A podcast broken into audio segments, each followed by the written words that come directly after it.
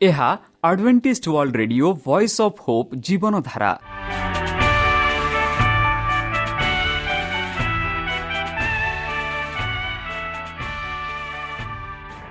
Odia radio କାର୍ଯ୍ୟକ୍ରମ ଯାହା ଆମର ଆନ୍ତର୍ଜାତୀୟ ଆଘାତ କେନ୍ଦ୍ରରୁ ପ୍ରସାରଣ କରାଯାଉଛି ପ୍ରତିଦିନ ରାତି ନଅଟା ତିରିଶ ମିନିଟ୍ରେ। ମୁଁ ସୁବ୍ରତ କୁମାର ପତି ପ୍ରେମର ସହ ଆପଣମାନଙ୍କୁ ଏହି କାର୍ଯ୍ୟକ୍ରମକୁ ସ୍ୱାଗତ କରୁଅଛି। ଚାଲନ୍ତୁ ଆଜିର ତିରିଶ ମିନିଟ୍ର କାର୍ଯ୍ୟକ୍ରମ ବିଷୟରେ ଜାଣିନେବା। ପ୍ରଥମେ ରଖିଛୁ ଆଧ୍ୟାତ୍ମିକ ଭକ୍ତିମୟ ଗୀତ। ଏହାପରେ ଶୁଣିବା ସ୍ୱାସ୍ଥ୍ୟ ବିଷୟରେ ଯାହା ଆମର ଦୈନିକ ଜୀବନରେ ଅତ୍ୟନ୍ତ ଜରୁରୀ। ଆଉ ପରିଶେଷରେ ଶୁଣିବା ପରମେଶ୍ୱରଙ୍କ ଭକ୍ତଙ୍କଠାରୁ ଜୀବନଦାୟକ ଈଶ୍ୱରଙ୍କ ବାକ୍ୟ। ପ୍ରିୟ ଶ୍ରୋତା ତାହେଲେ ଚାଲନ୍ତୁ ଶୁଣିବା ଏକ ଆଧ୍ୟାତ୍ମିକ ଭକ୍ତିମୟ ଗୀତ।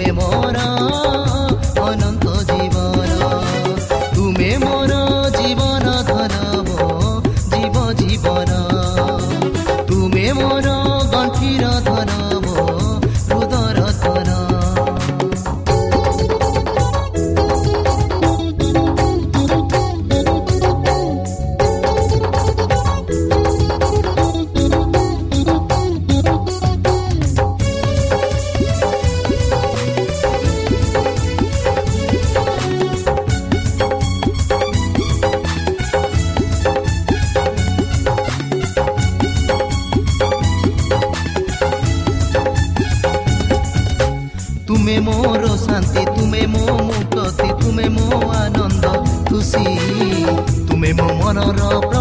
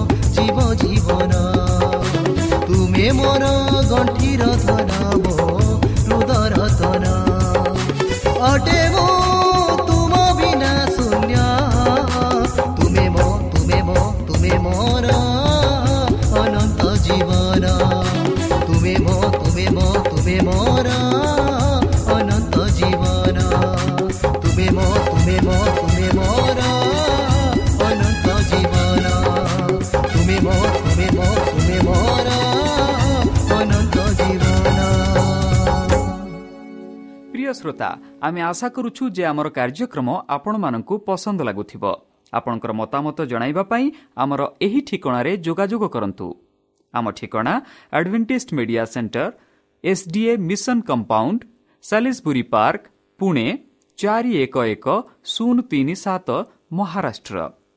ବା ଖୋଲନ୍ତୁ ଆମର ୱେବସାଇଟ୍, ଯେକୌଣସି Android phone, smartphone, desktop laptop କିମ୍ବା ଟ୍ୟାବ୍ଲେଟ୍ ଆମର website W W W dot A W R dot O R G slash O R I ଏବଂ W W W dot Adventist media centre India dot O R G ବର୍ତ୍ତମାନ ଚାଲନ୍ତୁ ଶୁଣିବା ଈଶ୍ୱରଙ୍କ ଭକ୍ତଙ୍କଠାରୁ ଈଶ୍ୱରଙ୍କ ଜୀବନଦାୟକ ବାକ୍ୟ ନମସ୍କାର ପ୍ରିୟ ଶ୍ରୋତା ସେହି ସର୍ବଶକ୍ତି ସର୍ବଜ୍ଞାନୀ ପ୍ରେମର ସାଗର ଦୟାମୟ ଅନ୍ତର୍ଜମୀ ଅନୁଗ୍ରହ ପରମ ପିତାଙ୍କ ମଧୁର ନାମରେ ମୁଁ ପାଷ୍ଟର ପୂର୍ଣ୍ଣଚନ୍ଦ୍ର ଆଉ ଥରେ ଆପଣମାନଙ୍କୁ ଏହି କାର୍ଯ୍ୟକ୍ରମରେ ସ୍ୱାଗତ କରୁଅଛି।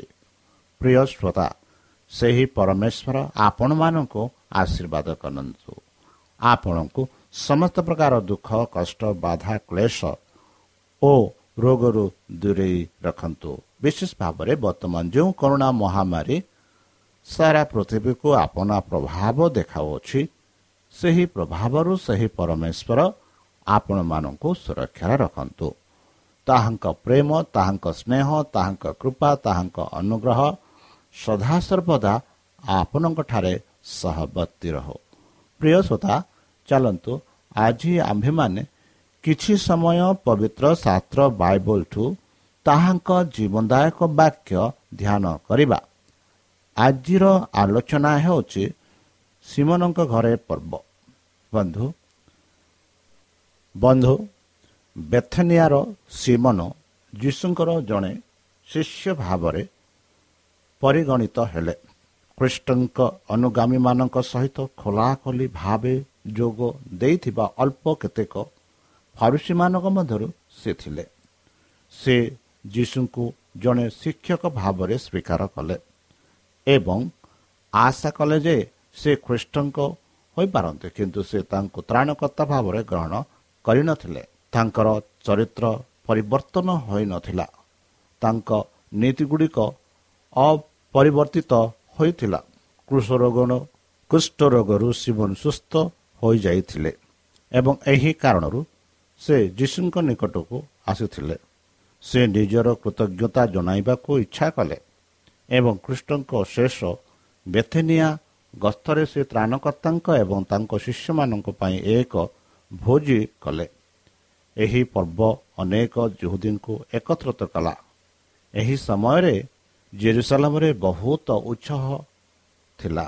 ଖ୍ରୀଷ୍ଟ ଏବଂ ତାଙ୍କର ମିଶନ ପୂର୍ବେ ଅପେକ୍ଷା ଅଧିକ ଧ୍ୟାନ ଆକର୍ଷଣ କରୁଥିଲା। ଯେଉଁମାନେ ଭୋଜିରେ ଆସିଥିଲେ ସେମାନେ ତାଙ୍କର ଗତିବିଧି ଉପରେ ନଜର ରଖିଥିଲେ ଏବଂ ସେମାନଙ୍କ ମଧ୍ୟରୁ କେତେକ ବଧୁତ୍ୱପୂର୍ଣ୍ଣ ଆଖିରେ ତ୍ରାଣକର୍ତ୍ତା ନିସ୍ତାର ପର୍ବର ମାତ୍ର ଛଅ ଦିନ ପୂର୍ବରୁ ବେଥେନିଆରେ ପହଞ୍ଚିଥିଲେ ଏବଂ ତାଙ୍କ ରୀତିନୀତି ଅନୁଆଇ ଲାଜାରାଂଶଙ୍କ ଘରେ ବିଶ୍ରାମ ନେଇଥିଲେ। ସେ ସହରକୁ ଯାଇଥିବା ଯାତ୍ରୀଙ୍କ ଭିଡ଼ ସେ ସୁସମାଚାର ପ୍ରଚାର କଲା ଯେ ସେ ଜିରୁସାଲମକୁ ଯାଉଥିଲେ ଏବଂ ସେ ବିଶ୍ରାମ ବାରରେ ବେଥେନିଆରେ ବିଶ୍ରାମ କରିବେ। ଲୋକଙ୍କ ମଧ୍ୟରେ ବହୁତ ଉତ୍ସାହ ଥିଲା। ଅନେକ ବେଥନିଆକୁ ଭିଡ଼ ଜମାଇଲେ। କେହି କେହି ଯୀଶୁଙ୍କ ପ୍ରତି ସହାନୁଭୂତି ଦେଖାଇଲେ ଏବଂ ଅନ୍ୟମାନେ ଗୁରୁତାର ମୃତ୍ୟୁର ପୁନରୁଦ୍ଧିତ ହୋଇଥିବା ବ୍ୟକ୍ତିଙ୍କୁ ଦେଖିବା ପାଇଁ ଆସିଥିଲେ। ମୃତ୍ୟୁ ପରେ ସାକ୍ଷୀ ହୋଇଥିବା ଦୃଶ୍ୟର ଏକ ଅଭୂତ ବିବରଣୀ ଲାଜାରଙ୍କ ଠାରୁ ଶୁଣିବାକୁ ଅନେକ ଆଶା କରିଥିଲେ। ସେ ଆଶ୍ଚର୍ଯ୍ୟ ହେଲେ ଯେ ସେ ସେମାନଙ୍କୁ କିଛି କହିଲେ ନାହିଁ। ତାଙ୍କର ଏହି ପ୍ରକାରର କିଛି କରିବାର ନାହିଁ। ପ୍ରେରଣା ଘୋଷଣା କଲେ ମୃତ୍ୟୁମାନେ କିଛି ଜାଣନ୍ତି ନାହିଁ। ସେମାନଙ୍କର ପ୍ରେମ ଘୃଣା ଏବଂ ଈର୍ଷା ବର୍ତ୍ତମାନ ବିନଷ୍ଟ ହୋଇଯାଇଛି। ଏହିପରି ଉପଦେଶ ନ ପାଞ୍ଚ ଛଅରେ ଲେଖା ଅଛି। ବନ୍ଧୁ କିନ୍ତୁ କୃଷ୍ଣଙ୍କ କାର୍ଯ୍ୟ ବିଷୟରେ ଲାଜାରସଙ୍କ ଏକ ଚମତ୍କାର ସାକ୍ଷ୍ୟ ଥିଲା। ଏହି ଉଦ୍ଦେଶ୍ୟରେ ସେ ମୃତ୍ୟୁରୁ ପୁନରୁଦ୍ଧିତ ହୋଇଥିଲେ। ନିଶ୍ଚିତତା ଏବଂ ଶକ୍ତି ସହିତ ସେ ଘୋଷଣା କଲେ ଯେ ଯୀଶୁ ଈଶ୍ୱରଙ୍କ ପୁତ୍ର। ବେଥେନିଆ ପରିଦର୍ଶକମାନେ ଜେରୁସାଲାମକୁ ଫେରି ଆଣିଥିବା ରିପୋର୍ଟ ଗୁଡ଼ିକ ଉତ୍ସକୁ ବଢ଼ାଇ ଦେଇଥିଲା। ଲୋକମାନେ ଯୀଶୁଙ୍କୁ ଦେଖିବା ଓ ଶୁଣିବାକୁ ଆଗ୍ରହୀ ଥିଲେ। ଲାଜାର ଜେରୁସାଲାମକୁ ଯିବେ କି ନାହିଁ ଏବଂ ନିସ୍ତାର ପର୍ବରେ ଭବିଷ୍ୟତ ବକ୍ତାଙ୍କ ରାଜା ମୁକୁଟ ପିନ୍ଧାଯିବ କି ନାହିଁ ଏକ ଧାରଣା ଅନୁସନ୍ଧାନ କରାଯାଉଥିଲା। ଯାଜକ ଓ ଶାସକମାନେ ଦେଖିଲେ ଯେ ଲୋକମାନଙ୍କ ପ୍ରତି ସେମାନଙ୍କ ଦୁର୍ବଳତା ଦୁର୍ବଳ ହେଉଛି ଏବଂ ଯୀଶୁଙ୍କ ଉପରେ ସେମାନଙ୍କର କ୍ରୋଧ ଅଧିକ ତିକ୍ତ ହେଲା। ସେମାନେ ତାଙ୍କୁ ପଥର ସବୁଦିନ ପାଇଁ ତାଙ୍କୁ ଅପସାରଣ କରିବାକୁ ସୁଯୋଗ ଅପେକ୍ଷା କରିପାରୁନନ୍ତି ନାହିଁ ସମସ୍ତ ଗଢ଼ିବା ପରେ ସେମାନେ ଭୟ କରିବାକୁ ଲାଗିଲେ ଯେ ସେ ଜେରୁସାଲାମକୁ ଆସିବେ ନାହିଁ। ସେମାନେ ମନେ ପକାଇଲେ ଯେ ସେ ସେମାନଙ୍କ ହତ୍ୟାକାରୀ ଷଡ଼ଯନ୍ତ୍ରକୁ କେତେଥର ବିସ୍ମୃତି କରିଥିଲେ ଏବଂ ସେମାନେ ଭୟଭୀତ ଥିଲେ ଯେ ସେ ବର୍ତ୍ତମାନ ତାଙ୍କ ବିରୁଦ୍ଧରେ ସେମାନଙ୍କଠାରେ ଉଦ୍ଦେଶ୍ୟ ପହଞ୍ଚାଇଛନ୍ତି ଏବଂ ଦୂରରେ ରହିବେ। ସେମାନେ ସେମାନଙ୍କର ଚିନ୍ତାକୁ ଲୁଚାଇ ପାରନ୍ତି ଏବଂ ନିଜ ଭିତରେ ପ୍ରଶ୍ନ କଲେ ତୁମେ କ'ଣ ଭାବୁଛ? ଯାଜକ ଓ ଫାରୁସିମାନଙ୍କର ଏକ ପରିଷଦ ଡକାଇଗଲା ଯେହେତୁ ଲାଦରାଂଶଙ୍କ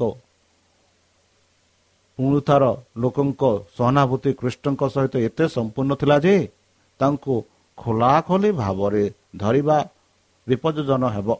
ତେଣୁ କର୍ତ୍ତୃପକ୍ଷ ତାଙ୍କୁ ଗୁପ୍ତରେ ଦେବାକୁ ସ୍ଥିର କଲେ ଏବଂ ଯଥାସମ୍ଭବ ନିରଚ୍ଛବିତ ଭାବରେ ପରୀକ୍ଷା କରି ପରୀକ୍ଷା ଜାରି ରଖିଥିବା ସେମାନେ ଆଶା କରିଥିଲେ ଯେ ଯେତେବେଳେ ତାଙ୍କର ନିନ୍ଦା ଜଣା ପଡ଼ିଲା ସେତେବେଳେ ଜନସାଧାରଣଙ୍କ ମନ ଲଘୁଚାପ ସେମାନଙ୍କ ସପକ୍ଷରେ ଆସିବ।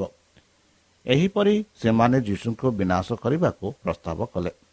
କିନ୍ତୁ ଯେପର୍ଯ୍ୟନ୍ତ ଲାଜାର ବଞ୍ଚିଥିଲେ ପୁରୋହିତ ଏବଂ ରାବଣମାନେ ଜାଣିଥିଲେ ଯେ ସେମାନେ ସୁରକ୍ଷିତ ନୁହନ୍ତି କବର ଭିତରେ ଚାରି ଦିନ ରହିଥିବା ଏବଂ ଯୀଶୁଙ୍କ ଠାରୁ ଏକ ବାକ୍ୟ ଦ୍ୱାରା ପୁନଃ ସ୍ଥାପିତ ହୋଇଥିବା ଜଣେ ବ୍ୟକ୍ତିଙ୍କ ଅସ୍ତିତ୍ୱ ଶୀଘ୍ର କିମ୍ବା ବିଳମ୍ବରେ ପ୍ରତିକ୍ରିୟା ସୃଷ୍ଟି କରିବ। ଏପରି ଜଣେ ଚମତ୍କାର ପ୍ରଦର୍ଶନ କରୁଥିବା ବ୍ୟକ୍ତିଙ୍କ ଜୀବନ ନେଇଥିବାରୁ ସେମାନେ ସେମାନଙ୍କ ନେତାଙ୍କ ଠାରୁ ପ୍ରତିଶୋଧ ନେବେ। ତେଣୁ ସାନ ସେହି ସେନେଟ୍ ବ୍ରେନ୍ ସ୍ଥିର କଲେ ଯେ ରାଜାର ମଧ୍ୟ ନିଶ୍ଚୟ ମରିବେ। ଏହିପରି ଦର୍ଶିକ ଈର୍ଷା ଏବଂ କୁସଂସ୍କାର ସେମାନଙ୍କ ଦାସମାନଙ୍କୁ ଆଗେଇ ନେଇଥାଏ। ଜୁହୁଦୀ ନେତାଙ୍କ ଘୃଣା ଓ ଅବିଶ୍ୱାସ ବିତି ଚାଲିଥିଲା। ଯେପର୍ଯ୍ୟନ୍ତ ସେମାନେ କବଳରୁ ଅସୀମ ମୁକ୍ତି ଉଦ୍ଧାର କରିପାରିବା ବ୍ୟକ୍ତିଙ୍କ ଜୀବନ ନେବେ। ଜେରୁସାଲାମରେ ଏହି ଷଡ଼ଯନ୍ତ୍ର ଚାଲିଥିବା ବେଳେ ଯୀଶୁ ଏବଂ ତାଙ୍କ ସାଙ୍ଗମାନେ ସିମନଙ୍କ ଭୋଜିରେ ନିମନ୍ତ୍ରିତ ହୋଇଥିଲେ। ଟେବୁଲରେ ତ୍ରାଣକର୍ତ୍ତା ସିମନଙ୍କ ସହିତ ବସିଥିଲେ ଯାହାକୁ ସେ ଏକ ଘୃଣ୍ୟ ରୋଗରୁ ଆରୋଗ୍ୟ କରିଥିଲେ ଏବଂ ଅନ୍ୟପଟେ ରାଜାରଙ୍କ ମୃତ୍ୟୁରୁ ପୁନରୁଦ୍ଧିତ କରିଥିବା ମାର୍ଥା ଟେବୁଲରେ ସେବା କରିଥିଲେ। କିନ୍ତୁ ମରିୟମର ଓଠରୁ ପ୍ରତ୍ୟେକ ବାକ୍ୟକୁ ଆନ୍ତରିକତାର ସହ ଶୁଣିଥିଲେ।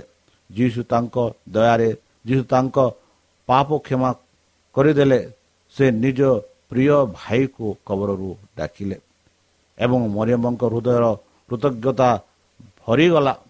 ସେ ଯୀଶୁଙ୍କ ମୃତ୍ୟୁ ବିଷୟରେ କହୁଥିବାର ଶୁଣିଥିଲେ ଏବଂ ତାଙ୍କ ଗଭୀର ପ୍ରେମ ଓ ଦୁଃଖରେ ସେ ତାଙ୍କୁ ସମ୍ମାନ ଦେବାକୁ ଇଚ୍ଛା କଲେ। ମହାନ ବ୍ୟକ୍ତିଗତ ବଳିଦାନରେ ସେ ସେନାର ମମଲ ଅଧ୍ୟତିକ ବ୍ୟୟବହୁଳର ଏକ ଆଲବଷ୍ଟର ବକ୍ସ କିଣିଥିଲେ ଯାହା ସହିତ ତାହା ଶରୀରକୁ ଅଭିଷେକ କରିବାକୁ କିନ୍ତୁ ବର୍ତ୍ତମାନ ଅନେକ ଘୋଷଣା କରୁଥିଲେ ଯେ ସେ ରାଜା ହେବାକୁ ଯାଉଛନ୍ତି। ତାର ଦୁଃଖ ଆନନ୍ଦରେ ପରିଣତ ହେଲା ଏବଂ ସେ ପ୍ରଭୁଙ୍କୁ ସମ୍ମାନ ଦେବାରେ ପ୍ରଥମ ହେବାକୁ ଆଗ୍ରହୀ ହେଲେ। ସେ ଅତର ସେହି ବକ୍ସ ଭାଙ୍ଗି ଯୀଶୁଙ୍କ ମୁଣ୍ଡ ଓ ପାଦରେ ଏହାର ବିଶ୍ୱାସ ବସ୍ତୁ ଢାଲିଲେ। ତାପରେ ସେ ଆଣ୍ଠୁ ମାଡ଼ି କାନ୍ଦୁଥିଲେ। ଲୁହରେ ସେମାନଙ୍କୁ ଅର୍ଦ୍ଧ କରି ସେ ଲମ୍ବା ପ୍ରବାହିତ କେଶରେ ତାଙ୍କ ପାଦ ପୋଛିଦେଲେ। ବନ୍ଧୁ ସେହି ପର୍ଯ୍ୟବେକ୍ଷଣରୁ ଦୂରେଇ ରହିବାକୁ ଚେଷ୍ଟା କରୁଥିଲେ ଏବଂ ତାଙ୍କର ଗତିବିଧି ଅଜ୍ଞାତ ହୋଇଥିଲା। ପରେ କିନ୍ତୁ ମଲମଟି କୋଠରୀକୁ ଏହାର ସୁଗନ୍ଧ ଭରି ଦେଇଥିଲା ଏବଂ ଉପସ୍ଥିତି ସମସ୍ତଙ୍କ ନିକଟରେ ତାଙ୍କର କାର୍ଯ୍ୟ ପ୍ରକାଶ କରିଥିଲା। ଯୁହୁଦା ଏହି ଅସନ୍ତୋଷକୁ ଦେଖିଲା। ଖ୍ରୀଷ୍ଟ ଏହି ବିଷୟରେ କ'ଣ କରିବେ ଶୁଣିବାକୁ ଅପେକ୍ଷା କରିବା ପୂର୍ବେ ପରିବର୍ତ୍ତେ ସେ ତାଙ୍କ ନିକଟରେ ଥିବା ଲୋକଙ୍କ ନିକଟରେ ଅଭିଯୋଗ କରିବାକୁ ଲାଗିଲେ। ଏହିପରି ଅପଚୟ ହେତୁ ଖ୍ରୀଷ୍ଟଙ୍କ ଉପରେ ଅପମାନିତ କଲେ। ଚତୁର୍ଥରେ ସହ ସେ ପରାମର୍ଶ ଦେଇଥିଲେ ଯାହା ଅସନ୍ତୋଷର କାରଣ ହୋଇପାରେ। ଯୁହୁଦା ଶିଷ୍ୟମାନଙ୍କ ପାଇଁ କୋଷାଧ୍ୟକ୍ଷକ ଥିଲେ। ଏବଂ ସେମାନଙ୍କ ଛୋଟ ଦୋକାନରୁ ସେ ନିଜ ବ୍ୟବହାର ପାଇଁ ଗୁପ୍ତ ଭାବରେ ଟାଣିଥିଲେ। ଏହିପରି ସେମାନଙ୍କର ସମ୍ବଳକୁ ଅଳ୍ପ ପରିମାଣରେ ସଂକୀର୍ଣ୍ଣ କଲେ। ସେ ଯାହା ପାଇଲେ ତାହା ତ୍ୟାଗରେ ରଖିବାକୁ ଆଗ୍ରହୀ ଥିଲେ। ଗରିବ ଲୋକଙ୍କୁ ମୁକ୍ତ କରିବା ପାଇଁ ବ୍ୟାଗ୍ରେ ଥିବା ଧନ ପ୍ରାୟଶଃ ଜଣା ଟଣା ଯାଇଥିଲା ଏବଂ ଯେତେବେଳେ ଜୁହୁଦା କିଛି ଜରୁରୀ ବୋଲି ଭାବିନଥିଲା ସେତେବେଳେ ସେ କହିବେ ଏହା କାହିଁକି ଅପଚୟ? ମୁଁ କାହିଁକି ଗରିବ ଲୋକଙ୍କ ପାଇଁ ବହନ କରୁଥିବା ବ୍ୟାଗ୍ରେ ରଖା ରଖାଗଲା ନାହିଁ। ବର୍ତ୍ତମାନ ମିରିୟମଙ୍କ କାର୍ଯ୍ୟ ତାଙ୍କ ସ୍ୱାର୍ଥପର ଠାରୁ ଏକ ଭିନ୍ନ ଥିଲା ଯେ ସେ ଲଜ୍ଜିତ ହୋଇଥିଲେ ଏବଂ ତାଙ୍କ ରୀତିନୀତି ଅନୁଆଇ ସେ ତାଙ୍କୁ ଉପହାର ଆପବୃତ୍ତି ପାଇଁ ଏକ ଉପଯୁକ୍ତ ଉଦ୍ଦେଶ୍ୟ ଦେବାକୁ ଚେଷ୍ଟା କଲେ। ସେ ଶିଷ୍ୟମାନଙ୍କ ଆଡ଼କୁ ବୁଲି ପଚାରିଲେ ଏହି ମଲମ କାହିଁକି ତିନିଶହ ଟଙ୍କା ବିକ୍ରି ହୋଇ ଗରିବ ଲୋକଙ୍କୁ ଦିଆଗଲା ନାହିଁ? ସେ ଏହା କହିଥିଲେ। ସେ ଯେ ଗରିବ ଲୋକମାନଙ୍କ ଯତ୍ନ ନେଉଥିଲେ କିନ୍ତୁ ସେ ଚୋର ଥିବାରୁ ସେ କହିଲେ ଜୁହୁଦା ନିଜର କାର୍ଯ୍ୟ ନିର୍ବାହିତ ଦକ୍ଷତା ବିଷୟରେ ଏକ ଉଚ୍ଚ ମତ ରଖିଲେ। ଜଣେ ଆର୍ଥିକ ଭାବରେ ସେ ନିଜକୁ ନିଜ ସାଥୀ ଶିଷ୍ୟମାନଙ୍କ ଠାରୁ ବହୁତ ଉନ୍ନତ ବୋଲି ଭାବୁଥିଲେ ଏବଂ ସେ ସେମାନଙ୍କୁ ସମାନ ଆଲୋଚନାରେ ସମ୍ମାନ କରିବାକୁ ଆଗେଇ ନେଇଥିଲେ। ସେ ସେମାନଙ୍କ ଆତ୍ମବିଶ୍ୱାସ ହାସଲ କରିଥିଲେ ଏବଂ ସେମାନଙ୍କ ଉପରେ ଏକ ଶକ୍ତିଶାଳୀ ପ୍ରଭାବ ପକାଇଥିଲେ। ଗରିବ ଲୋକମାନଙ୍କୁ ଭ୍ରାନ୍ତ ପାଇଁ ତାଙ୍କ ସ୍ୱୀକାର ସମାବେଦନା ଏବଂ ତାହାର ସେମାନଙ୍କ ଦେଖିବା କରାଇବା ମରିୟମଙ୍କ ଭକ୍ତି ଉପରେ ଅଭିଯୋଗ ଟେବୁଲ ଚାରିପଟେ ଗଲା। ଏହି ଆବର୍ଜନତା କେଉଁ ଉଦ୍ଦେଶ୍ୟରେ? ଏହି ମଲମ ହୁଏତ ଏକ ବହୁମୂଲ୍ୟ ବିକ୍ରୟ ହୋଇ ଗରିବ ଲୋକମାନଙ୍କୁ ଦିଆଯାଇଥାନ୍ତା। ମରିୟମ ସମାଲୋଚନାର ବାକ୍ୟ ଶୁଣିଲେ ତା ଭିତରେ ହୃଦୟ ଥରି ଉଠିଲା। ସେ ଭୟ କରୁଥିଲେ ଯେ ତାଙ୍କ ଭଉଣୀ ଅଧ୍ୟତିକ ବ୍ୟବିଚାର ପାଇଁ ତାଙ୍କୁ ଅପମାନିତ କରିବେ ଗୁରୁ ମଧ୍ୟ ତାଙ୍କୁ ଅପ୍ରକୃତିକ ଭାବନ୍ତି କ୍ଷମା ମାଗିବା କିମ୍ବା ବାହାନା କରିବା ସେ ଦୂରେଇ ଯିବା ଯାଉଥିଲେ ଯେତେବେଳେ ତାଙ୍କ ପ୍ରଭୁଙ୍କ ସ୍ୱର ଶୁଣାଗଲା ତାଙ୍କୁ ଛାଡ଼ିଦିଅ ତୁମେ ତାଙ୍କ ତାଙ୍କୁ କାହିଁକି ଅସୁବିଧାରେ ପକାଉଛ ସେ ଦେଖିଲେ ଯେ ସେ ଲଜ୍ଜିତ ଓ ବିବ୍ରତା ସେ ଜାଣିଥିଲେ ଯେ ଏହି ସେବା କାର୍ଯ୍ୟରେ ସେ ତାଙ୍କ ପାପ କ୍ଷମା ପାଇଁ କୃତଜ୍ଞତା ଜଣାଇଛନ୍ତି ଏବଂ ସେ ତାଙ୍କ ମନକୁ ଆରାମ ପ୍ରଦାନ କରିଛନ୍ତି। ସମାଲୋଚନାର ଗୁଡ଼ ଖୁବଜ ଉପରେ ତାଙ୍କ ସ୍ୱର ଉତ୍ତେଜନ କରି ସେ କହିଛନ୍ତି ସେ ମୋର ଉପରେ ଏକ ଭଲ କାମ କରିଛନ୍ତି। କାରଣ ତୁମେ ସବୁବେଳେ ଗରିବ ଲୋକମାନଙ୍କ ସହିତ ଥାଅ ଏବଂ ସେମାନେ ଯେତେବେଳେ ତୁମେ ଇଚ୍ଛା କର ତୁମେ ସେମାନଙ୍କୁ ଭଲ କରିପାରିବ କିନ୍ତୁ ମୁଁ ତୁମକୁ ସର୍ବଦା କରିନାହିଁ। ସେ ଯାହା କରିଥିଲେ ତାହା କରିଛନ୍ତି। ସେ ମୋ ଶରୀରକୁ ସମାଧି ଦେବା ପାଇଁ ଅଭିଷିକ୍ତ ହୋଇ ଆସିଛି। ମରିୟମ ତାଙ୍କ ତୃଣମୂଳ ସ୍ୱରରେ ଢାଲି ଥିବା ତ୍ରାଣକର୍ତ୍ତାଙ୍କ ମୃତ୍ୟୁ ଶରୀର ଉପରେ ଅଧ୍ୟାତ୍ମିକ ସୁଗନ୍ଧିତ ଉପରେ ବୋଲି ଭାବିଥିଲେ। ସମାଧିସ୍ଥଳରେ ଏହାର ମଧୁରତା କେବଳ କବରକୁ ବିସ୍ତାର କରିପାରେ। ବର୍ତ୍ତମାନ ଏହା ତାଙ୍କ ହୃଦୟକୁ ତାଙ୍କ ବିଶ୍ୱାସ ଏବଂ ପ୍ରେମର ନିଶ୍ଚତା ସହିତ ଆନନ୍ଦିତ କଲା। ଆର୍ୟମାଥାର ଜୋସେଫ ଏବଂ ନିକଟିମସ୍ ତାଙ୍କ ଜୀବନରେ ଯୀଶୁଙ୍କୁ ସେମାନଙ୍କ ପ୍ରେମ ଉପହାର ପ୍ରଦାନ କଲେ ନାହିଁ। ତିକ୍ତ ଲୁହରେ ସେମାନେ ତାଙ୍କ ଶୀତଳ ଅଜ୍ଞାତ ରୂପ ପାଇଁ ସେମାନଙ୍କ ମହାଙ୍ଗା ମହାଳା ଅଣେଇଥିଲେ। ଯେଉଁ ସ୍ତ୍ରୀ ଲୋକମାନେ କବରକୁ ମସଲା ଆଣିଥିଲେ ସେମାନେ ସେମାନଙ୍କୁ ବୃଥା ପାଇଲେ କାରଣ ସେ ଉଠିଥିଲେ କିନ୍ତୁ ମରିୟମ ତ୍ରାଣକର୍ତ୍ତାଙ୍କ ପରେ ତାଙ୍କ ପ୍ରେମ ଢାଲିବାରେ ଢାଲିବା ବେଳେ ସେ ତାଙ୍କର ଭକ୍ତି ବିଷୟରେ ସୂଚନା ଥିଲେ।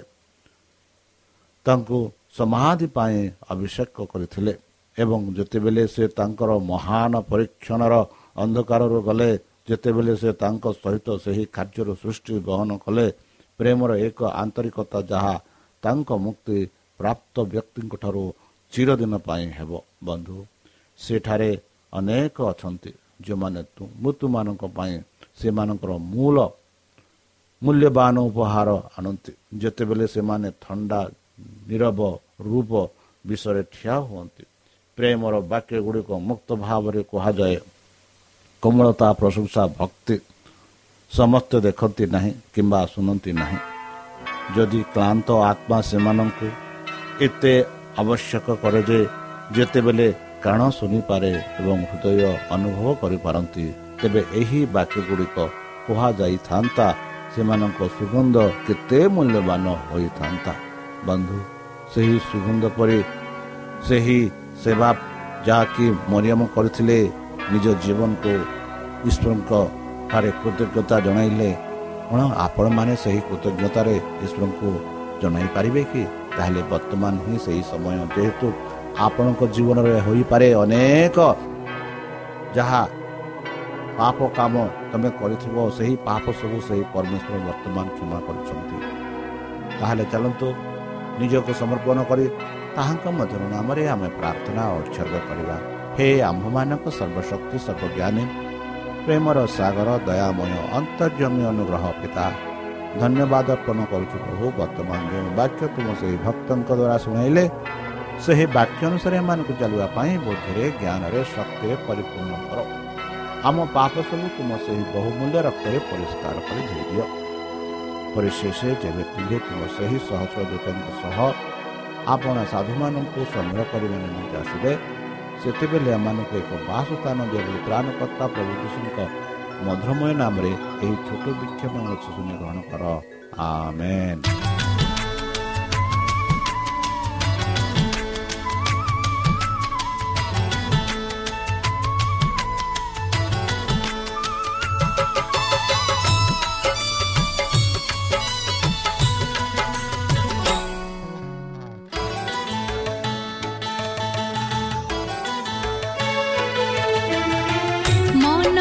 କେବେ କହି ହୁଏ ନା ଯିଶୁ ବିନା କିଛି ଭଲ ଲାଗେ ନା ମନ କଥା କେବେ କହି ହୁଏ ନା ଯିଶୁ ବିନା କିଛି ଭଲ ଲାଗେ ନା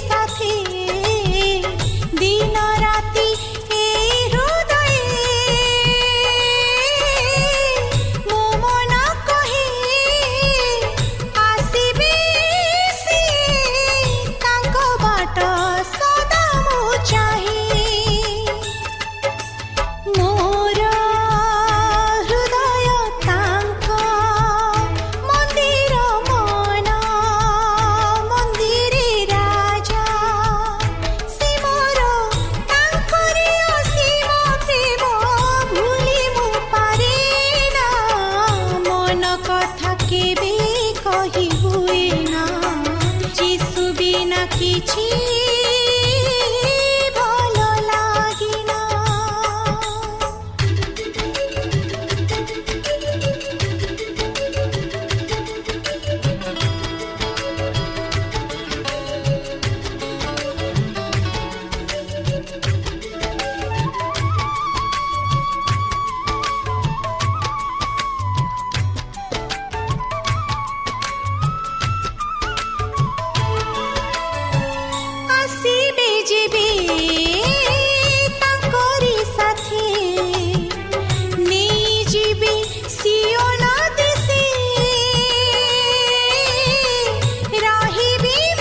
শ্রোতা আমি আশা করু যে আমার কার্যক্রম আপনার পসন্দ লাগুব আপনার মতামত পাই আমার এই ঠিকার যোগাযোগ করতু আমার advantage media centre SDA mission compound Sai park Pune চারি এক এক শূন্য তিন সাত মহারাষ্ট্র বা খোলতু আমার ওয়েবসাইট যেকোন Android phone smartphone desktop laptop কিংবা ট্যাবলেট আমার ওয়েবসাইট www.awr.org/ori এবং www.adventistmediacentterindia.org ଆଡ଼ଭେଣ୍ଟେଜ୍ ମିଡ଼ିଆ ସେଣ୍ଟର ଇଣ୍ଡିଆର ସ୍ପେଲିଂ ହେଉଛି A D V E N T I S T M E D I A C E N T R E I N D I A ଅଥବା download କରନ୍ତୁ ଆମର mobile app ଆପଣଙ୍କର mobile play ଷ୍ଟୋରକୁ ଯାଆନ୍ତୁ ଆଉ type କରନ୍ତୁ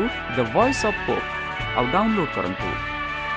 ଈଶ୍ୱର ଆପଣଙ୍କୁ ଆଶୀର୍ବାଦ କରନ୍ତୁ। ଧନ୍ୟବାଦ।